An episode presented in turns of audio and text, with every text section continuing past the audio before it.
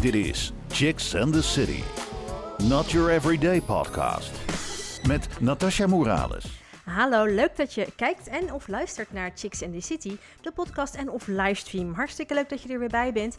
Ehm, vandaag hebben we allemaal girlbosses uh, die de revue gaan passeren. Want uh, ja, wij hebben dus uh, in Bibliotheek Rotterdam ontzettend leuk mogen meewerken aan girlbossavonden in Bibliotheek Rotterdam, zoals ik al zei. En er zijn dus verschillende girlbosses te gast geweest afgelopen seizoen. Um, Girlboss, ja, dat is eigenlijk het idee van een boek, gebaseerd op een boek van Sofia Amoruso. En um, ja, dat gaat eigenlijk over een dame die van niks een heel groot imperium weet uh, op te bouwen. Dus een girlboss. En daar komt die term dus uh, vandaan. Dus uh, de bibliotheek heeft zich laten inspireren door dat boek. Want ja, het is ook de bibliotheek, dus een boek. Het klopt allemaal. Um, girlboss dus. En um, in dit uur ga ik dus praten met Amber. Hallo Amber. Hi. Hallo. Hi. En het leuke is, jij was er natuurlijk samen met heel veel andere chicks iedere keer bij. Ik mocht die girlbossavonden altijd presenteren en die meiden interviewen. Ontzettend leuke dames altijd. Ja. Um, dames die echt bizarre dingen hebben bereikt. Hè? Gewoon of ontzettend veel volgers of gewoon heel veel geld verdienen met toffe dingen die ze zelf hebben bedacht. Echt gewoon, ja, uh, ja girlbosses eigenlijk. En jij, jij was er iedere keer bij en jij mocht eigenlijk uh, na uh, iedere show de girlbosses dan nog even apart interviewen. Inderdaad, ja, dat was echt ontzettend leuk om te doen. Dat was echt uh, een dream come true gewoon voor ja, mij. want uh, over welke girlbosses hebben we het nu vanavond? We hebben het over, het zijn er vijf. Emily Sobels, Jamie Lee, Teske de Schepper, Nina Pierson en Caddy Wakers. Ja, dus die, die vijf heb jij geïnterviewd. Die Yes. vijf heb ik Ja, ook ja, geïnterviewd ja. natuurlijk. Maar jij hebt zich nog even apart één op één, eh, eh, ja, zeg maar in de kleedkamer of zo nog eventjes eh, te spreken Ja, gehad. klopt. Dus we gaan gewoon zo lekker met elkaar al deze ehm, interviews van jou, want die hebben we nog niet uitgezonden. Nee. Ze zijn helemaal vers van de pers. Ja, ja. Je hebt ze echt een jaar lang opgespaard eigenlijk, want dat is het. We hebben echt, nou volgens mij de eerste was vorig jaar. Hè? Ja, ja. in nee, het jaar daarvoor ja, zelfs, inderdaad, ja. Zit ik nu te denken. Ja, 2018. Ja, precies. Dus kan je nagaan, we hebben het echt aan op zitten sparen. Zo, ja. Dus je kunt eindelijk, kan jij je reportages eh, laten horen aan de mensen. Dus superleuk. Dus waar gaan we mee, eh, mee beginnen, Amber? Ja, we gaan beginnen met Emily Sobels. Eh, Emily is bekend van het succesvolle boek Babe You Got This en van hashtag Workmode, waarbij zij gedeelde werkruimtes aanbiedt voor vrouwelijke ondernemers in onder andere Rotterdam en Amsterdam. Wat is jou het meest bijgebleven van je interview met eh, Emily? Het is alweer lang geleden. Het is echt lang geleden. Maar ehm, ja, weet je, ik, ik, ik moet zeggen, ik vond haar ook wel heel erg charmant vooral. Eh hè, Zo'n mooie dame, eh, wat een mooie jurk aan. Ja, ik let dan meer op dat soort dingen. Zoals ik, het zijn namelijk allemaal super interessant, al die dames die we gesproken hebben. Maar dingen die dan even opvallen. Ze was gewoon heel charmant, heel slim, heel gevat. Ook met haar tips die ze had eh, over Ja. ondernemerschap. Ze was heel erg eh, goed in concrete tips geven van hoe kan je nou het best een onderneming starten. En ja, ja dat, dat is met mij heel erg eh, bijgebleven eigenlijk. Nou, laten we eerst dan naar een leuke teaser gaan kijken. Ja. Van, om een beetje het gevoel te krijgen van hoe die eh, avond eh, in elkaar zat. Want ja, het is alweer zo lang geleden. Dat kun- kunnen we wel even goed gebruiken. En dan gaan we daarna dus naar jouw reportage luisteren. Yes, dan gaan we daarna naar mijn reportage luisteren. Spannend. Leuk. Met eh Fashiolista in je leven verander je op een gegeven moment van een studie, van, eh, studie met bijbaan naar een baan met een studie daarnaast. Eh, op welke plek stond je social life en je rust? Want ik ga ervan uit dat je het ontzettend druk hebt gehad in die tijd. Ik had heel erg druk. Sterker nog, ik heb daardoor epilepsie gekregen. Ehm, een, wat heftiger iets. Ehm, nee, dus het was een hele drukke periode waarin ik zeker niet altijd goed voor mezelf zorgde. Ehm, en dus ook tegen de lamp uiteindelijk ben aangelopen dat ik een epileptische aanval kreeg. En helaas ook gediagnosticeerd ben met epilepsie. Maar het heeft me ook doen inzien dat eh, je eigen grenzen opzoeken, dat is prima. Totdat je ze tegenkomt, dan weet je waar ze zitten en dan moet je ze ook niet meer gaan opzoeken. Dus eh, nu ga ik daar heel anders mee om en weet ik precies wat ik wel en niet kan. En eh, FOMO, dat bestaat niet meer in mijn leven. Het is heel jammer als ik een feestje mis, maar dat is dan maar zo, want volgende week is er weer een feestje. Want eh, heb je nog tips van hoe je met zo'n hectisch leven toch een soort van balans kan vinden? Van hoe, hoe creëer je die rust voor jezelf of die rustmomenten? Ik ben erachter gekomen dat ik het heel fijn vind om in mijn eentje te zijn. Ehm, je hebt natuurlijk extroverte mensen en introverte mensen. En in dat opzicht ben ik duidelijk iemand eh, die het wel... Ik krijg wel echt energie van het, eh, het omringen met mensen. Om me daarmee te omringen. Maar uiteindelijk laat ik het beste op door alleen te zijn. Dus het is voor mij heel belangrijk dat ik... eh, soms een vrijdagavond gewoon met Netflix op de bank hangen en een goede reep chocola. En dan heb ik weer energie om verder te gaan. Of een weekend gewoon geen plannen maken, helemaal niks doen en een beetje hangen. Dat, dat helpt voor mij heel erg. Bijvoorbeeld door de week, s'avonds plan ik in principe heel weinig. En af en toe komen daar spontane dingen bij. eh, of af en toe heb ik nog iets voor werk. Maar ik probeer op die manier wel echt mijn rust te pakken. Dus momentjes met mezelf, in mijn eentje en zo op te laden. Dat helpt bij mij. En er zijn ook mensen die juist weer heel erg opladen door eh, zich juist in groepen te storten, naar festivals te gaan ehm, of leuke dingen te gaan doen met vrienden. En je hebt eh, ook communicatiemanagement gestudeerd. En eigenlijk toen je net zou gaan beginnen aan je scriptie, heb je ervoor gekozen, toen je de kans kreeg om naar het amfi te gaan, alles overboord te gooien en aan het amfi te gaan studeren. Als je nu terugkijkt op deze keuze, heb je dan zoiets van, dit zou ik weer doen? Of ik had een, een andere keuze gemaakt, ik was wel mijn scriptie gaan schrijven? Of... Jij bent, je hebt heel goed onderzoek gedaan, want al ja. deze dingen heb ik jou niet verteld. je hebt heel goed vooronderzoek gedaan. Nee, absoluut. Ehm, mijn studie communicatiemanagement was eigenlijk meer een soort in de plaats van. Ik wilde heel graag naar het amfi, ik werd niet toegelaten en ik moest toch wat gaan doen. En uiteindelijk heb ik inderdaad, kon ik toch ineens weer aan het amfi beginnen, eh, drie jaar later. En heb ik alles overboord gegooid en ik merkte dat ik toen veel gelukkiger was. Dus ja, dat zou ik zeker meteen weer doen.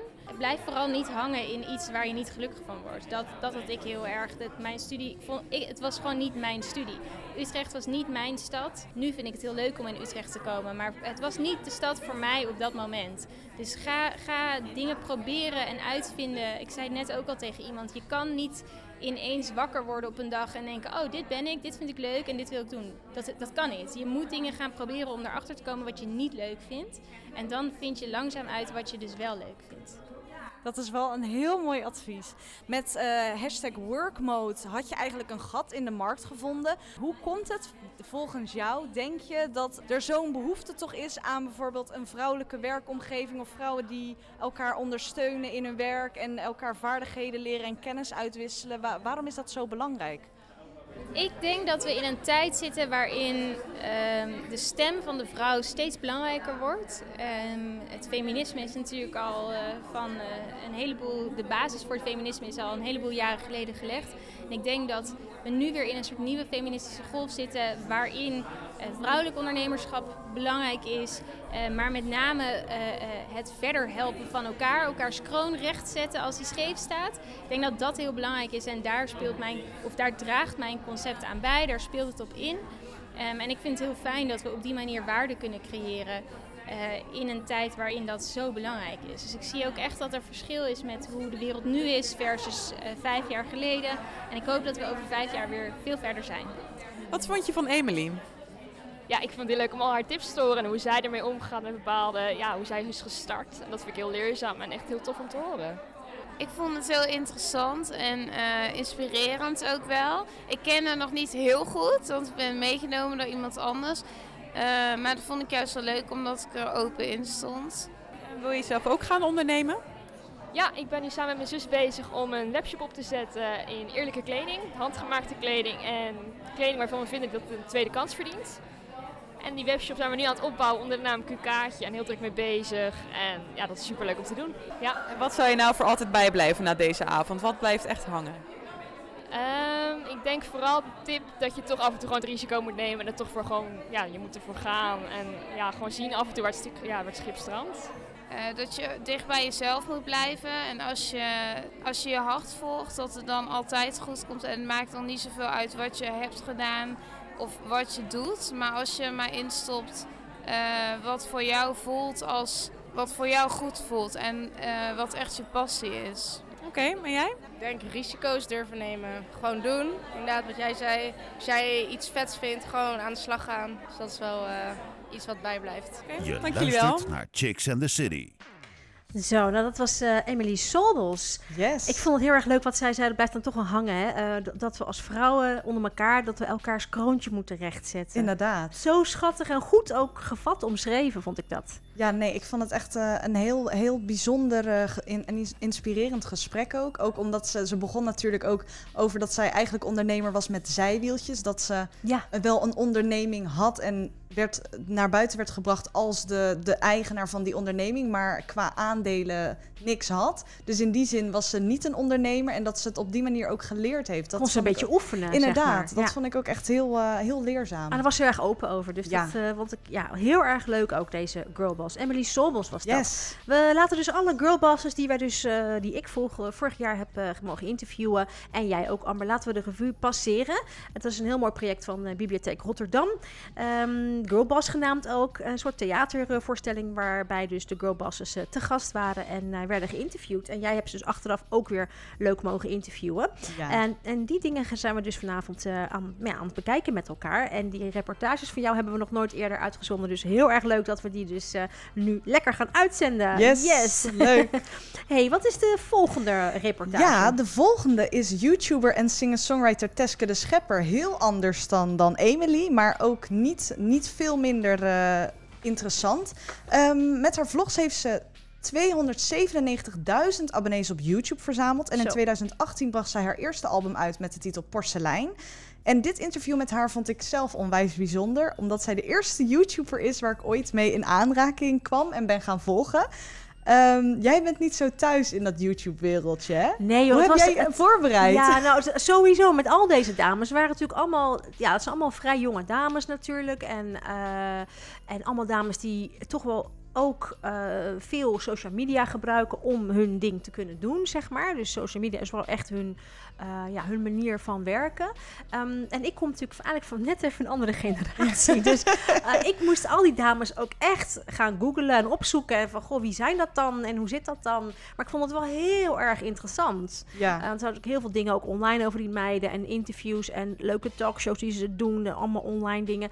Echt super leuk om ze te interviewen. En je, je, je wordt er ook wel ingezogen. Op een gegeven moment, ik snap ook wel dat je verslaafd kunt raken aan een YouTuber of zo. Omdat het eh, gewoon super leuk is om naar iemand te kijken. Je, Ja. je gaat er gewoon helemaal in mee. Zo'n persoon praat alsof je haar beste vriendin bent. Ja. Dus dat is al heel erg van, nou dan ga ik eens even lekker, even lekker samen. Weet je, ja, heb je veel filmpjes van haar gekeken als voorbereiding? ja, ik vond het heel leuk om vooral haar allereerste YouTube-filmpje te bekijken. Dat weet ik nog, dat was heel schattig jong. Zag ze er ook best wel anders uit. Mhm. Dat vond ik heel leuk om te zien, inderdaad. En dan het verschil met dan een van haar laatste filmpjes. Ja, dat is natuurlijk hartstikke leuk om dan die groei eh, te zien bij iemand. Ja. Maar we gaan eerst naar een filmpje kijken. We gaan hè? eerst inderdaad eh, even een teaser kijken. Even de sfeer van de avond proeven. Gezellig. Teske. Je bent toen je 13 was, ben je begonnen. Je begon eerst met je webblog, Teske. Waarom wilde je naast je blog ook nog eigenlijk op beeld vastleggen? Dus met YouTube. Waarom wilde je die eh, overgang maken? Ehm, omdat ik maakte sowieso wel eens video's, maar die zette ik niet online. En we maakten ook met het gezin wel eens filmpjes. Ik vond dat sowieso altijd al heel erg leuk. En ik volgde andere blogs. En ik vond eigenlijk de video's altijd het leukste onderdeel. Omdat het lezen was wel leuk, maar als je dan de video's keek, had je toch net iets meer beeld van diegene en van diegene zijn persoonlijkheid. Ehm, ja, dus ik dacht van ja, weet je, waarom probeer ik het niet gewoon? En ik heb eerst best wel, ik heb best wel wat filmpjes gemaakt met mijn webcam. Voordat ik daadwerkelijk iets ging uploaden. Toen die eerste video dacht ik van ja, weet je, doe het gewoon. Boeien. Wel, wel leuk als je dan nu terugkijkt naar die eerste video. Ik echt van, oh ja, sorry dat mijn haar niet helemaal goed zit. En dat je dan helemaal gaat verontschuldigen. Maar nu, wat je zegt, als, je dan nu vijf jaar geleden terug zou kijken, zou je echt schamen. Wa- waarom had je dan het gevoel van schaamte op dat moment? Ja, omdat je, je hebt altijd zeg maar de versie van jezelf een paar jaar geleden, die vind je gewoon stom, toch? Eigenlijk Ja, heeft ja, bijna ja. iedereen dat volgens mij. En voor mij, ja, dat filmpje dat is nu tien jaar geleden. Dus dat is zo ver weg dat ik gewoon ook dat kan relativeren en kan denken van oké, dat is gewoon, ik was gewoon een kind. Dus het is ook prima dat ik een beetje ongemakkelijk en een beetje ehm, heel erg overdreven schattig meisjesachtig was. Eh, ja, ik vind dat nu alleen maar heel leuk om terug te zien. Ja, want toen kwam de video dat jij ging vertellen van... ik wil niet meer beauty en niet meer shoplogs... en ik ga gewoon een hele overgang maken. Hoe ben je op dat punt gekomen dat je dacht van... nee, ik wil dit gewoon niet meer? Nou, het kwam eigenlijk doordat ik ehm, gewoon steeds vaker merkte dat ik een beetje met tegenzin aan het werken was. Dus ook bijvoorbeeld dat ik iets had opgenomen en dat ik het ging editen. En dat ik me gewoon aan het irriteren was aan mezelf. En dat ik dacht van, wat ben ik nou aan het doen? En ik, eh, eigenlijk was het vooral dat ik niet meer met trots een video aan iemand kon laten zien. Terwijl in het begin ging ik echt gewoon mijn vlogs laten zien aan vriendinnen en zo. En dan had ik helemaal geen moeite om te vertellen wat ik aan het doen was. En toen was er een punt gekomen dat ik dacht van ik wil eigenlijk niet. Ik ben een soort van dingen aan het verzinnen om het mooier te maken dan wat het is. En toen dacht ik van ja, dat is gek, want ik ben dit zelf gestart. Het zou jammer zijn als ik dit doe en ik heb er geen plezier meer in. Ja. Dus toen ben ik gaan denken van oké, maar wat wil ik dan wel maken? Het lijkt me ook best wel lastig inderdaad als er dan publiek is wat eigenlijk zo lang bij je is gebleven en dat ze dan zeggen van hé, hey, we vinden je niet meer leuk. Mm. Ja, ja, ja, het is, het is eh, super lastig. Ehm, maar het is, eh, ik denk dat het ook wel goed geweest is voor me. Want het is ook wel vreemd om in je puberteit zo geliefd te zijn, als je begrijpt wat ik bedoel. Eh, je, wordt ook, je raakt ook wel gewend aan dat alles maar werkt en alles maar succesvol is. En eh, ik, denk dat het, ik denk dat het voor mijn persoonlijke groei heel veel goeds heeft gedaan dat het ook gewoon even wat minder ging. Eh, tussen tweets over onder andere kittens, noedels en plantjes door komen ook best wel veel persoonlijke confessions voorbij. Op 27 mei vertel je dat je niet gemaakt bent voor de drukte in de stad en de meest bekende mensen vaak extraverte hippe party animals lijken te zijn. Heb je daar altijd zo over gedacht? Ehm, nee, want ik had juist heel erg het gevoel dat ik eh, helemaal thuis hoorde in de stad. Eh, eigenlijk weet ik ook, ik denk gewoon dat ik ook best wel veranderd ben. Dat ik gewoon, naarmate ik volwassener werd, dat mijn karakter ook wel gewoon misschien een beetje anders is geworden. En eh, ik werd wat verlegener. Ik merkte dat ik wel een soort van op feestjes wilde zijn, omdat ik dan op de feestjes was en omdat iedereen daar was.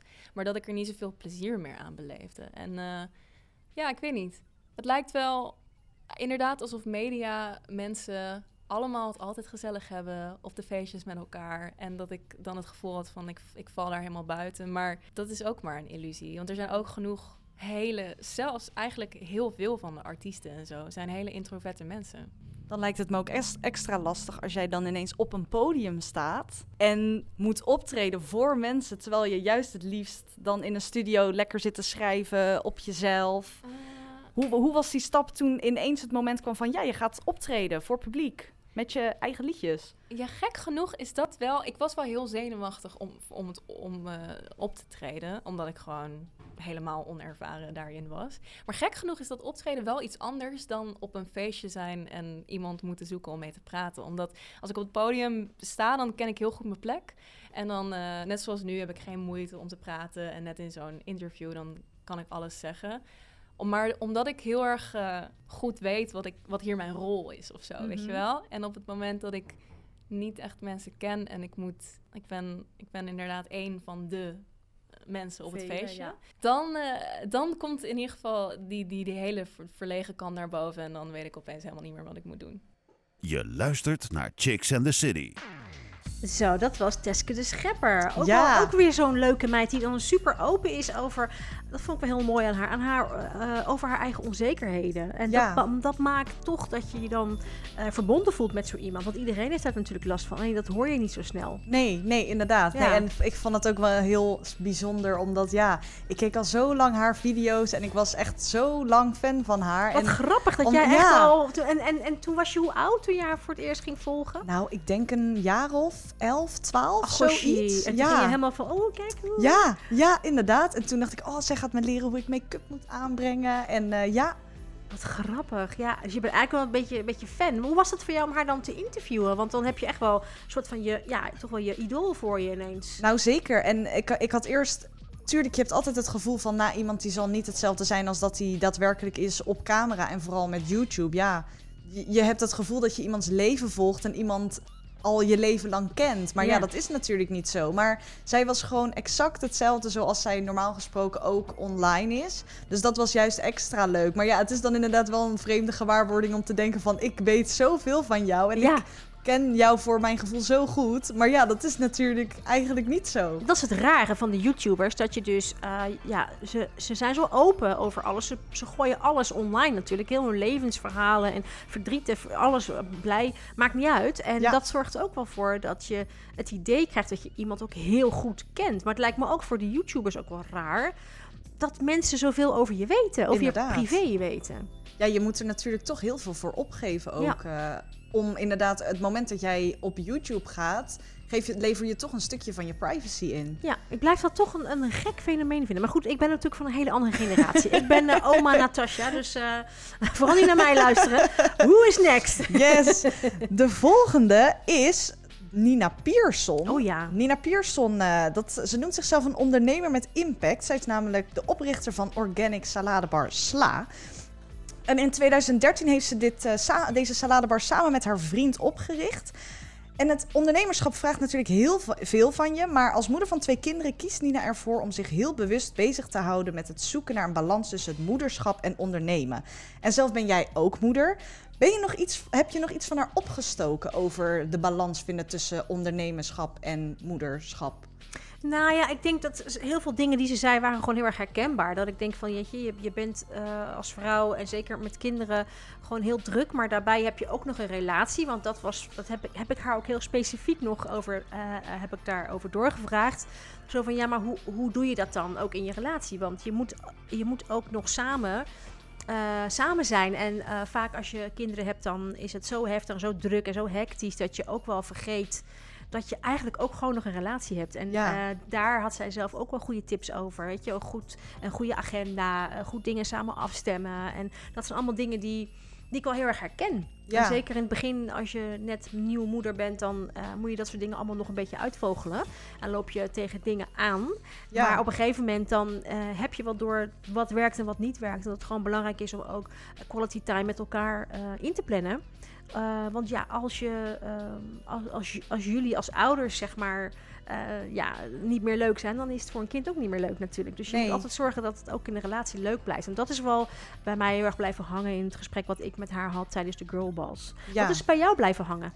Bij mij, nou, vooral eh, ook de manier waarop zij zichzelf noemt. Zij noemt zichzelf een quinoa-kut. Quinoa kut inderdaad. dat, is dat ook vond ik wel eh, wel heel eh, leuk gevonden, eerlijk Ja. gezegd. Dus dat, eh, dat was mij wel bij mij blijven hangen. En ook dat zij ehm, eh, heel veel... Haar vader was heel spiritueel. Ja. Ehm, haar vader was ook monnik geweest. Ja. En dat vond ik zo'n bijzonder verhaal. En daar heb ik ook zeker naar gevraagd in mijn reportage. Inderdaad, want het is ook wel, ik, ik, ik vond dat ook wel hoor. Dat- Dat, heeft me ook wel best wel geraakt. Hij was heel erg open, is heel erg open over eh, haar relatie met haar vader. Die is natuurlijk ook Ja. overleden aan, aan kanker.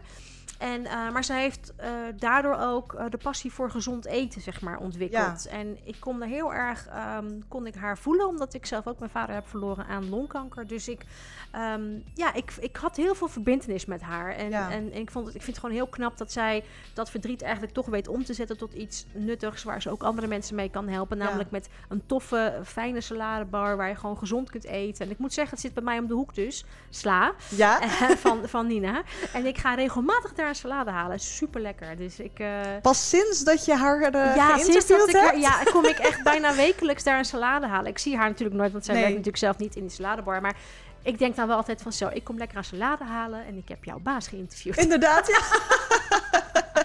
Laten we eens gaan kijken naar een, naar een filmpje. Yes, voor een, een, eh, ehm, filmpje van de avond. Voor een sfeer inderdaad. Yes. Spiritualiteit speelt een grote rol in je leven. Hoe plan je hiervoor tijd in als zelfstandig ondernemer? Ja, dat is, voor spiritualiteit is één ding belangrijk en dat is inderdaad rust en stilte. Dus eerlijk is eerlijk, ik heb wel sinds de geboorte van mijn tweede heel weinig tijd ervoor gehad. Maar ehm, wat je merkt is bijvoorbeeld, hè, als je mediteert, dan word je veel, kan je veel beter nadenken, geconcentreerder. Je kan beter, het maakt je meer bestand tegen uitdagingen. Dus uiteindelijk is het een soort van mini-investering die je doet. Even dan in het geval van mediteren. Maar ook spirituele ontwikkeling, hè, van vertrouwen hebben in het leven. En zo. Dat helpt allemaal zo bij een onderneming. Dus ik zie het echt als een noodzakelijk iets waar ik ruimte voor moet maken.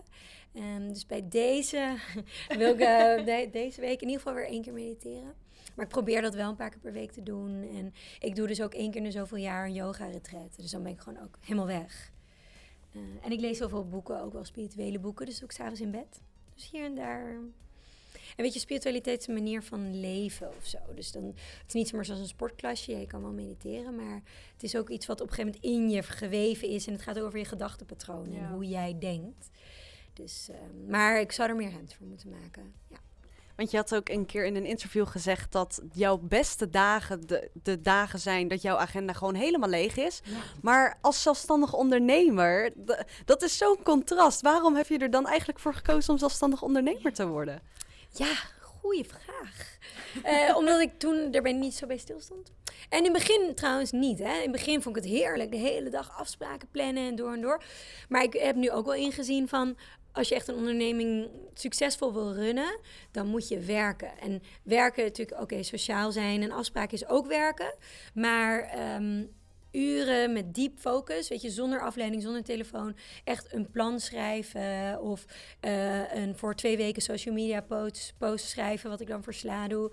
Dat is zoveel waarde. Dus daarom geniet ik ook extra. Het is ook gewoon, eh, misschien ook omdat ik wel sociaal ben of zo en ook in mijn, op werk en zo sociaal al ben, dat ik het lekker vind om gewoon dan in ieder geval dag even helemaal mijn eigen tijd te kunnen indelen. En het gevoel hebben dat ik aan het eind van de dag denk, yes, ik heb echt veel gedaan. En met afspraken heb je dat ook, maar heb je natuurlijk ook veel gedaan, maar dat gevoel is dan anders. Want wanneer kwam die omslag dan voor jou dat je dacht, oh, rust is eigenlijk ook wel heel erg belangrijk om een goede onderneming te kunnen runnen? Rust, ja, die omslag kwam voor mij toen ik kinderen kreeg. Eigenlijk. Daarvoor was, was het ook minder nodig, want dan, als ik dan iets niet gedaan had gekregen gedurende de dag, dan kon ik het s'avonds doen. Of dan kon ik het makkelijk in het weekend doen. Ik bedoel, ik heb wel echt heel veel gewerkt, dat, echt maar echt veel. En dus in het begin was ik er niet zo mee bezig. En nu doordat ik kinderen heb, besef ik ook van hoe belangrijk die rust is. Maar ook in het dagelijks. Ik merk ook als ik rust inbouw, dat ik ook effectiever, ehm, effectiever werk. En meer gedaan krijg. Want je hoort wel eens van ouders ook die waarvan bijvoorbeeld eh, van kinderen waarvan hun ouders zelfstandig ondernemer zijn, dat ze dan zeggen van ja, ik heb mijn ouders nooit gezien vroeger. En Oh ja. wat wa- hoe, hoe hoop jij dat jouw kinderen dat later gaan zeggen? Oh, maar ik zou dat zo erg vinden als zij dat zouden zeggen. Want ik doe zo... Ik werk nu bijvoorbeeld maar 3,5 dag in de week. Ik weet echt niet hoe ik het doe. Maar ik doe het en ik ben dan één hele dag, donderdag altijd met mijn kindjes. Tenzij een deadline het echt niet toelaat. En dan vraag ik oppas ook. En dan maandagmiddag en vrijdagmiddag probeer ik er ook te zijn. Dus ik ben er wel gemiddeld. Als ik ook mijn vriendinnen vergelijk die gewoon werken. Die minimaal wel vier dagen werken. Dan ben ik er wel veel. Ehm, en volgens mij gaat het heel erg over aandacht. Dus als ik met mijn kinderen ben, en dat lukt ook echt niet altijd, maar dat heb ik wel altijd in mijn achterhoofd, aandacht voor ze hebben. En er zijn voor ze, en als mijn dochter een vraag stelt, dat ik wel 9 van de 10 keer die vraag wil kunnen beantwoorden. Dat lukt dus niet altijd. Maar nu dat ik het zo zeg, denk ik, ja nee, echt zo het is zo belangrijk om met aandacht, want ik denk dat je kinderen dan eh, dat minder snel zullen zeggen. Dat als je met ze bent, dat je dan ook wel met volledige aandacht er bent. Ja. En in vele interviews spreek je ook over je vader. In hoeverre heeft hij jouw kijk op, je, op het leven beïnvloed? Ik denk dat mijn vader en moeder de allergrootste kijk op het leven hebben beïnvloed. En daarom neem ik het moederschap ook zo serieus. Want ik weet hoe groot de impact is als ouder op een kind.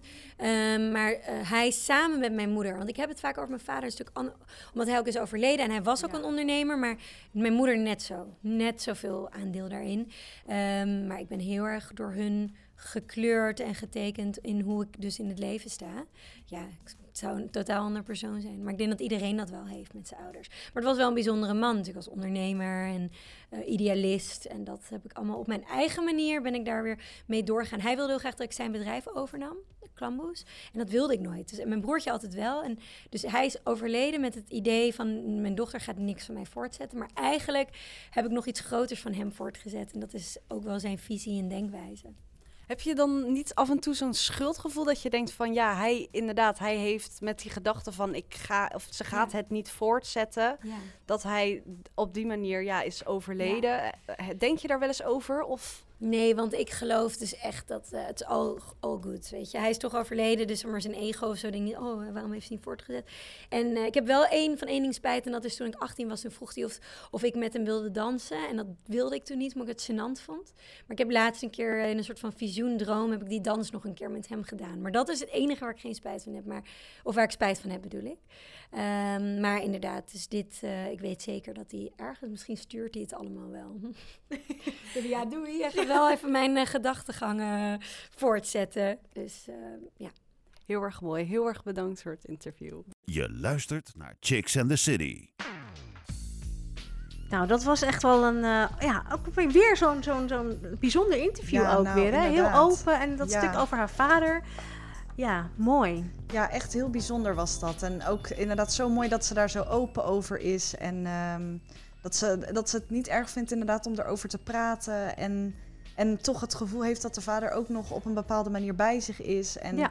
Ze laat ook zien dat, dat je als ondernemer niet altijd met je beide benen op de grond toe te staan. Maar ook inderdaad wat spiritueler kan denken. Ja, en zij is heel erg spiritueel. Want ik vroeg haar ook in het interview van... geloof jij dat jouw vader er nog is? En toen had ze ook iets van... ja, ik geloof wel in een soort energie. En dat het...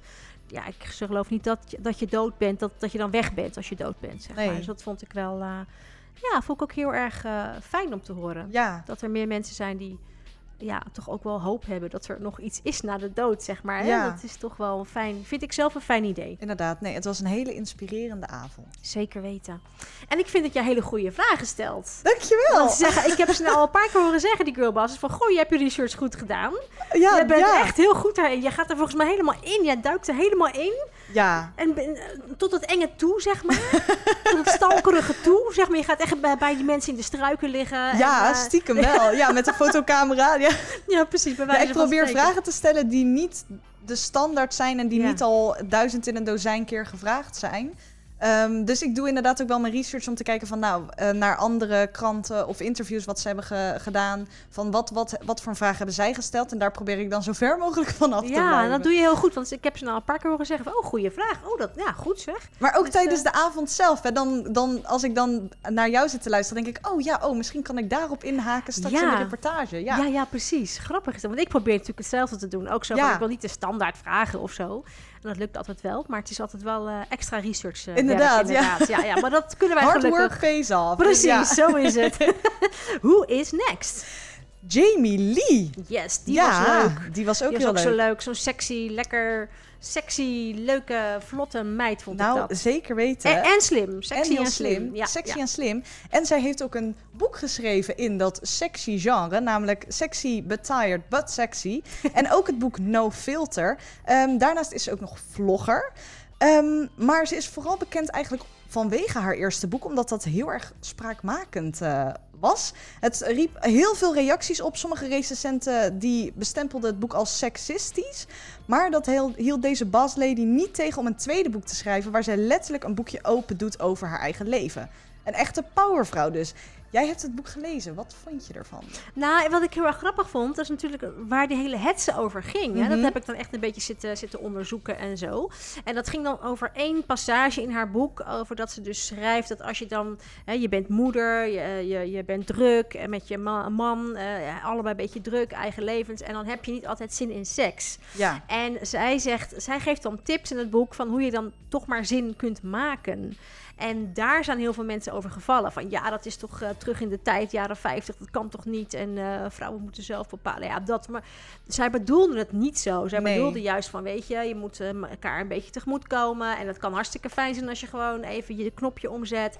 Alleen ja, door alle drukte van de dag kan je het gewoon wel eens Ja. vergeten of daar niet mee bezig zijn. Dus het is helemaal niet erg om daarin allebei een effort te doen. Ja. Om eh, ja, het, het samen fijn te hebben of zo. Een beetje in die trant. Dus dat, dat, dat vond ik heel erg interessant. Zo van hoe gaat ze zich hier eh, uitpraten? Maar dat had ze gewoon. eh, ja, nee, maar het is natuurlijk een heftig iets. Om, Nou, zeker waar. Hè, ook voor haar was dat heel heftig om Ja. dat allemaal zo over zich heen te krijgen. Maar en ze had het gewoon heel goed, eh, ja, ze kon het heel goed omschrijven van wat de reden was dat dat voor haar eh, zo was, zeg maar. En dat ze het helemaal niet zo ehm, seksistisch, eh, anti-vrouw bedoelde. Dat vond ik Nee. zelf wel erg interessant. Nee, ze is ook zelf inderdaad een hele grappige vrouw. En ze vertelde ook van ja, je moet het eigenlijk een beetje met een korreltje zout nemen. Ja. Alleen ja, sommige mensen die vatten het niet op die manier op. Ja, nee, dat was ook wel een show waar eh, heel veel gelachen werd Ja. inderdaad. Dat was echt wel zo. Ze is ook gewoon zo kort door de bocht en Ja. bot. En het kan eigenlijk allemaal niet zo heel veel schelen. En het is gewoon een lekkere, lekkere vlotte meid. En eh superleuk. En ik heb echt veel gelachen ook eh, in de show toen. Nou, laten we even naar een teasertje kijken Goed om inderdaad een beetje de sfeer van de avond te proeven. Yes. Tweede boek No Filter vertel je over gebeurtenissen uit je dagelijks leven en wat je zelf graag kwijt wil. Het voelt alsof je je dagboek bij de uitgeverij hebt gelegd. Zo, zo kwam het op mij over in ieder geval. Was dat niet onwijs spannend om te doen? Voor mij eigenlijk niet, omdat ik al vanaf dat ik schrijf online al zo open ben. Dus het, was een, alleen misschien een beetje spannend voor mijn ouders of zo, maar voor de rest had ik er echt geen moeite mee. Het lucht juist op van je afschrijven. En hoe, hoe reageerden je ouders op het boek toen ze het lazen? Eh, mijn moeder zei, Eh, mijn vader heet Melvin en we noemen hem dan Melly. Nou, ik niet, ik noem hem papa. Maar dan zegt Melly, het is niet per se voor jou. en zij, eh, zij was heel lief. Zij gewoon, mooi open boek, bedankt voor je kwetsbaarheid, et cetera. Ehm, en ja, ik ben in principe wel gewoon een volwassen vrouw geworden. En gelukkig geen awkwardness. Echt heel lief hoe ze het had ontvangen. Hoe, hoe vinden je ouders het dat je zo online bezig bent en bijvoorbeeld eerst met vloggen natuurlijk je hele leven eigenlijk op YouTube zet? Ja, ze zijn heel trots op mij. Ze, vinden het echt leuk wat ik doe. Alleen heel af en toe krijg ik even iets van mijn moeder te horen. Van, eh, ja, het is echt super onbeschoft als je tandenstoker gebruikt zonder dat je je handen ervoor legt. en dan op camera. Dat kan echt niet. Zeg maar, mam, in principe... Mam, je moet misschien iets meer leren scheiden hebben. Want het maakt echt niet, het maakt echt niet uit. Dus zeg maar, ik heb je toch gewoon netjes opgevoed. Dacht ik, ja, daar heb je misschien ook wel weer een punt. Maar goed. Dus heel af en toe krijg ik dan iets te horen. Maar over het algemeen zijn ze super trots. Over je eerste boek Sexy But Tired But Sexy is best wel een hoop op ophef geweest. Eh, was je niet bang dat, je bij, dat dat bij het tweede boek ook het geval zou zijn? Ik hield er wel rekening mee, ja, maar ja, wat kan je doen? Ja, ik, vond, ik, ik heb daar niet echt over nagedacht. Hoe had je gehoopt eigenlijk dat mensen op je eerste boek zouden reageren? Ja, ik, ik had gehoopt van, eh, dat, dat het, dat het, weet je wel, dat, dat je het aan, tegen elkaar zou zeggen van, dat boek van Jamie, daar heb ik echt heel veel aan gehad. Die moet je lezen. Weet je, zoiets. Dat, eh, dat mensen dat, tegen elkaar gaan zeggen. Dat het een soort beweging wordt. De sexy but tired beweging. Nou, dat is misschien ehm, op, ja, een beetje kleinschalig gelukt hoor. Is het dan toch wel lastig om humor misschien ook op papier te zetten? Dan in plaats van dat je natuurlijk face-to-face humor gebruikt, is het makkelijker te zien dan op papier? Ik denk juist dat het op papier, in mijn geval papier beter overkomt. Want En waarom? Omdat ik dan ehm, niet haper. Want ik kan met live grapjes nog wel eens haperen. En dan is het grapje eigenlijk al voor, weer voorbij. En, en op papier kan ik nog even nog eh, meer on point maken of zo. Of nog een, een, een beter synoniem vinden. Of een, ja, ik ben meer een woord. Ik kan beter spelen met woorden op papier dan in het echt. Hoe hoop jij eh, je kinderen later mee te geven? Je spreekt over social media ook best wel veel over onzekerheden. Hoe, wat hoop je je kinder, la- eh, kinderen later mee te geven over eh, onzekerheid en als, hoe zij met hun onzekerheden moeten omgaan of kunnen omgaan? Mm, Ik probeer ze altijd mee te geven dat je als mens een bepaalde waarde hebt en dat je daar gewoon ook bij blijft. En dat je echt niet door externe partijen of meningen je, het beeld wat je van jezelf hebt te veranderen. Want je bent gewoon wat je denkt. En als je gewoon weet dat je bijvoorbeeld een bepaalde ehm, kracht hebt of een bepaalde karaktereigenschap die heel mooi is, dan moet je dat voor altijd onthouden en niet ja, je niet anders wijs laten maken. Dus dat probeer ik ze nu op heel kleinschalig niveau alvast mee te geven. En je steekt je seksleven niet onder stoelen of banken. Hoe, hoe vindt je vriend dat? Dat je dat zo open en bloot met de wereld deelt? Sowieso mag hij altijd alles even lezen.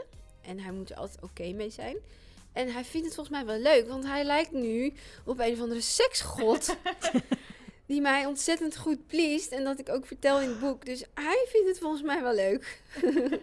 Nou, heel erg bedankt eh, voor het interviewtje. Graag gedaan. Je luistert naar Chicks and the City. Nou, dit, ik moest er alweer om lachen. Wat een- dat bedoel ik, wel een lekker wijfje is dat toch? Hè? ja. Zo, eh, ja, dat is een of andere, hij lijkt op een seksgod. Ja. Dat is super grappig. Ja, echt.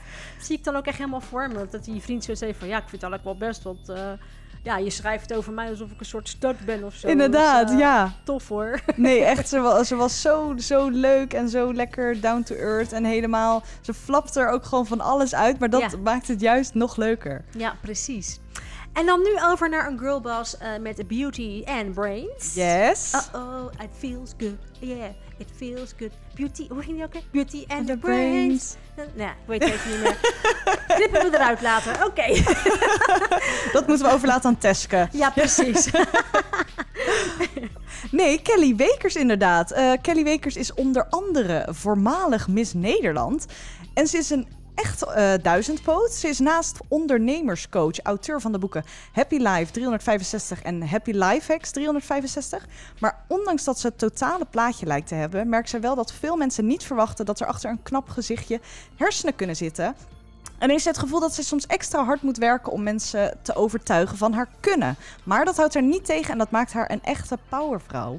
Waarom is zij volgens jou een girlboss? Nou ja, inderdaad. Ik denk dat, dat het juist wel goed is dat zij dat, dat, dat stigma een beetje doorbreekt. Van, ehm, eh, dat je dus als je knap bent, ja, dat, je, dat daar geen hersentjes achter kunnen zitten. Want zij is natuurlijk ook Miss Nederland Ja, eh, geweest. ja.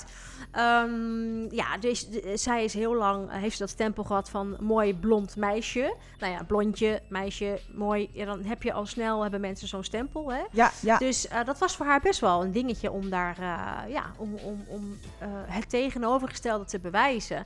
En ja, toen ik met haar sprak, ik, het, was, het is gewoon een super professionele dame die precies weet wat ze, wat ze wil en niet wil. Ja. Eh, hè, ze heeft ook echt eh, heel goed management eh, naast zich staan, die precies zegt hoe of wat. En die echt wel, ze weet heel goed de grenzen aan te geven. Ze heeft alles echt wel goed in kannen en kruiken. Ja. En zij was echt, denk ik wel, de meest zakelijke die ik heb gesproken.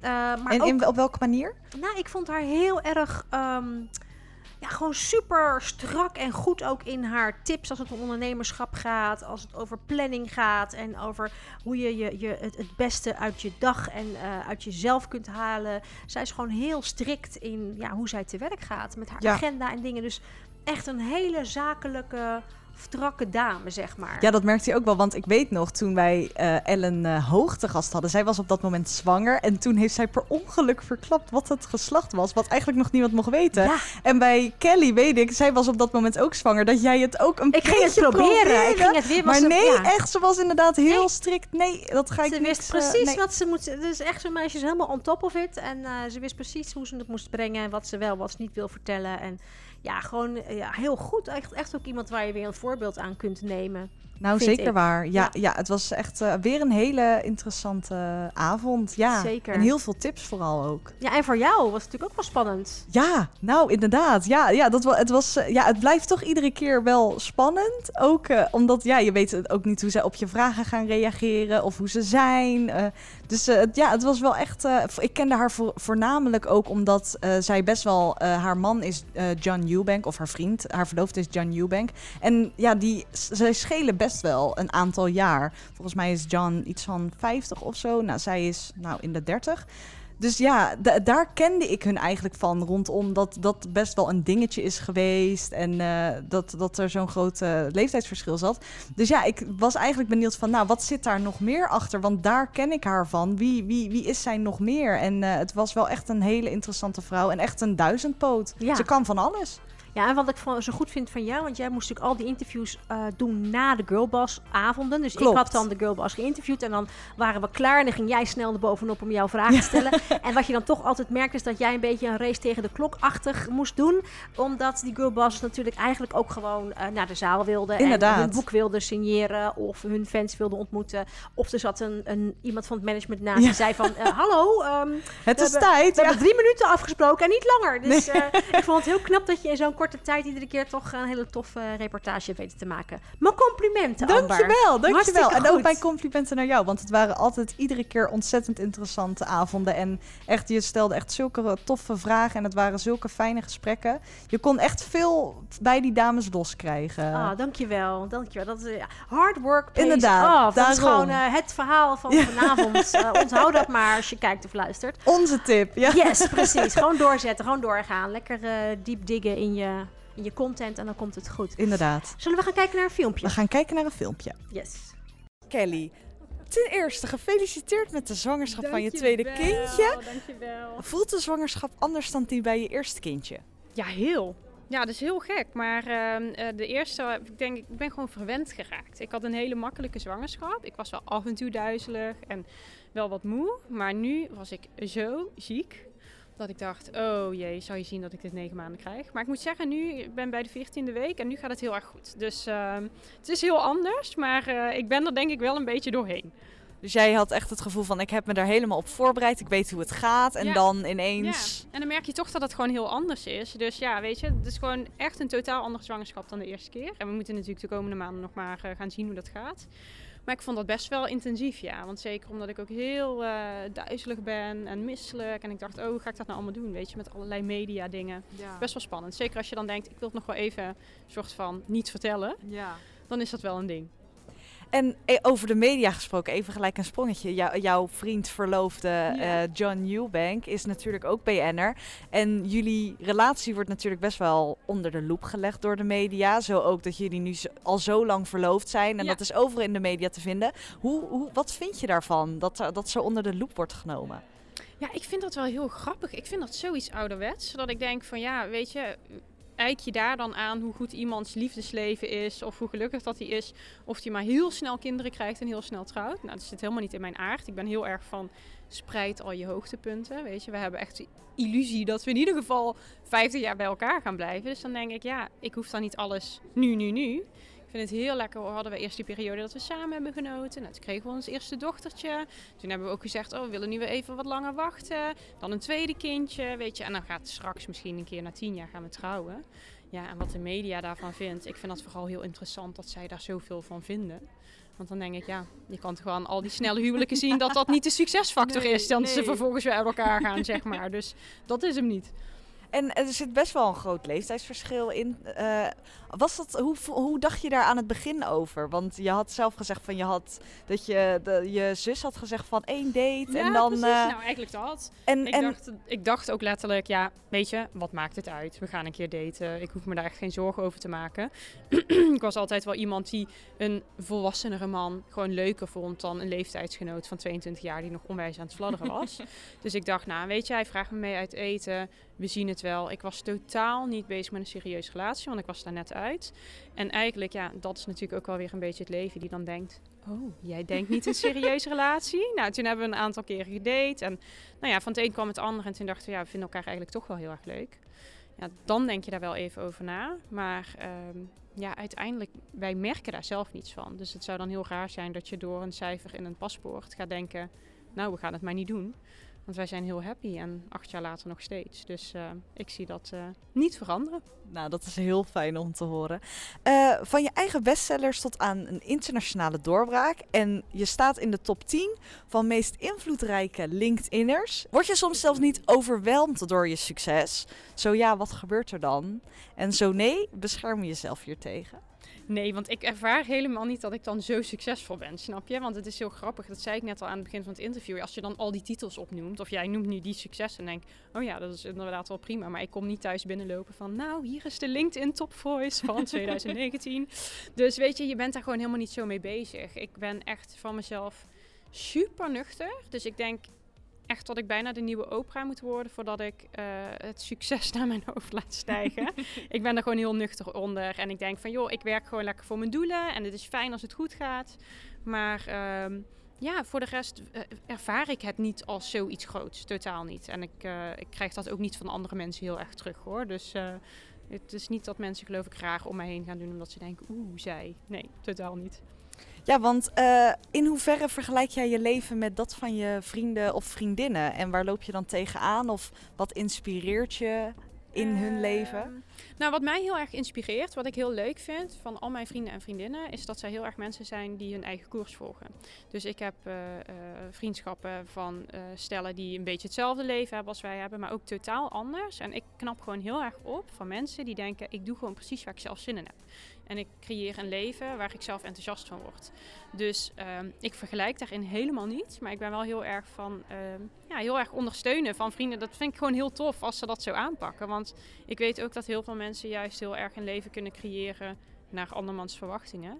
En ik vind het wel heel leuk dat ik allemaal mensen om me heen heb die dus heel erg ehm, nou ja, precies doen waar ze zelf zin in hebben. Word je soms onterecht bekritiseerd of benadeeld door je schoonheid? En vooral omdat je ook Miss Nederland bent geweest. Ja, weet je, ik vind dat soms ook een beetje mieper hoor. Want ik, kijk, ik ervaar daar wel dingen in. Maar eh, ik zeg ook altijd, het is ook wel makkelijk om je voorkomen mee te hebben. Want als je het niet hebt, heb je dat voordeel sowieso niet. Dus eh, dat helpt me zeker af en toe een voet binnen de deur te zetten. Het is alleen jammer dat eh, vaak, ehm, als jij een bepaald uiterlijk hebt, dat ze, mensen vaak denken dat je dan dus inhoudelijk niets te melden hebt. Mhm. Dus dat krijgt ze een beetje een soort van brain freeze van, oh, dat kan toch niet naast elkaar bestaan. En dat vind ik dan wel jammer. Dus weet je, ik heb er voordeel van, denk ik, dat ik de voet binnen de deur krijg. Maar ik heb soms wel, doordat ik een inhoudelijk vak heb, het idee dat ik heel veel moet lullen voordat mensen me serieus nemen voor mijn inhoud. Dus dat is dan weer de uitdaging. Je luistert naar Chicks and the City. Zo, dat eh, was Kelly Wekers. Jeetje, weet je, ik, nu ik dat zo hoor en, en ook die, die beelden dan voorbij zie komen van die Mhm. avond, herinner me ik nog iets heel grappigs. Eh, Vertel. dat is een beetje, ehm, ehm, ja, hoe zeg je dat? Inside info, achter de schermen info. Maar ik zit altijd ehm, bij de Girlboss zit ik altijd aan de linkerkant van het podium. Want dat, dat, ja, dat voelt gewoon voor mij een fijne kant. Ja. Eh, misschien slechte kant, goede kant, ik weet het niet. Maar dat is gewoon mijn kant. Ik heb het gevoel dat ik dan beter in beeld ben of beter zit of zo. Nu En eigenlijk ook. Nu Oh, eigenlijk oh. ook, inderdaad. Ja, nu zit ik ook aan deze kant. Inderdaad. Ja, klopt. Dus dat, dat, dat was ik een beetje gewend. En eigenlijk bij alle girlbosses is dat zo. Maar eh, Kelly, die is als, als enige girlboss, eh, was zij dus eh, de dame die zei van... joh, ik moet aan die kant zitten, want dat is mijn fijne kant. En toen dacht ik, oh ja, oké. ik heb helemaal niet getwijfeld. Ik zei, oh, meid, helemaal goed. Maar dat was echt dat ik dacht van, oh ja, weet je wel. Dat is de enige dame die dat is vroeg. Maar dat geeft ook alweer aan dat ze gewoon precies weet wat ze wil. Zij Ja, weet wat, ze- wat zij nodig heeft om dit interview goed te kunnen doen. En dan, ja, zij zorgt gewoon dat de situatie zo is eh, om haar heen. Dat het ook gewoon lekker loopt voor haar. Dus Inderdaad. Ik vind dat heel erg knap. Ja. Het gewoon zegt. Ik zou dat misschien niet zo snel durven zeggen van... eh, joh, je komt ergens in. Weet je, maar zij zegt dat dan gewoon. Ik vind Ja. dat echt heel erg goed. Nou, inderdaad. Ja, Ja. ze, ze is een goede, dat- een goede, ook als ondernemerscoach, dat, je, dat ze laat zien van, sta, ga op je strepen staan. Ja, en, gewoon, eh, eh, gewoon vragen wat je nodig hebt. En, Ja. en gewoon eh, ja, zorgen dat dat ook zo geregeld wordt of zo. Dat vind ik wel... nou, ja, zeker. dat was een beetje wat mij is blijven hangen. Zeker waar. Amber, ik vond het echt heel erg leuk met je. Is er nog een girlboss die jij ooit zou willen interviewen... die je nog niet hebt geïnterviewd? Oh, dat is een hele goede vraag. Heb ik nog een girlboss die ik zou willen interviewen? Ehm, oh, ik zou nog wel heel graag ehm, Diana Leeflang, ook een YouTuber is dat. Die is voor Dazzle, heet zij op, eh, op YouTube. Zij is nu heel erg eh, de duurzame kant op gegaan. Ehm, en dat lijkt me heel interessant om, eh, om haar daar te over inter, interviewen. Want ja, je krijgt natuurlijk als YouTuber heel veel samenwerkingen met grote bekende merken, kledingmerken ook. En dat heeft zij allemaal aan de kant geschoven. En zij is echt volop duurzaam gaan, gaan consumeren. En dat is natuurlijk toch een grote stap die je dan neemt. Want het is toch een deel van je inkomen wat je opgeeft. Want ja, die kledingmerken, daar haal je ook inkomen uit. Dus eh, nee, het lijkt me heel tof om haar nog een keer te interviewen. Na- natuurlijk zegt die naam mij helemaal niks. Want ik zit er Heb jij nog iemand die jij zou Nee, willen ja. interviewen? Nou, eh, ik zou heel graag Oprah Winfrey willen interviewen. Maar ja, dat is een beetje een moeilijk verhaal. Even laten overvliegen. Nou, ik zou het heel leuk vinden om eh, koningin Maxima of zo. Dat lijkt me zo leuk. Ja, om haar te ook. interviewen. Maar dat wil ik echt al heel lang. Maar dat lijkt me nog echt wel iets heel erg tofs. Maar Dat, lijkt is, me een hele inspirerende vrouw. Ik heb het gevoel dat dat nog wel een keer gaat lukken voor Chicks in the City. Ik weet niet waarom, maar dat gaat Inderdaad, wie weet, misschien hoort ze dit wel. Ja. Stuur het door naar Maxima. Hard work Ja. pays off. Onthoud Inderdaad, dat maar gewoon. inderdaad. Onthoud dat maar.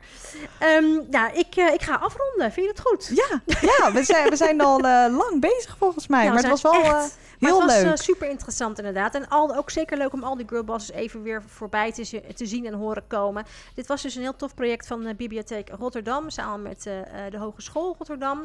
En nou ja, weet je, als je nog wilt terugkijken naar alle livestreams. Want die hebben we ook allemaal. Dan kan je naar onze Facebook gaan. Wij zijn Radio Chicks op Facebook. En anders natuurlijk op ons YouTube kanaal. Daar zijn we Chicks and the City.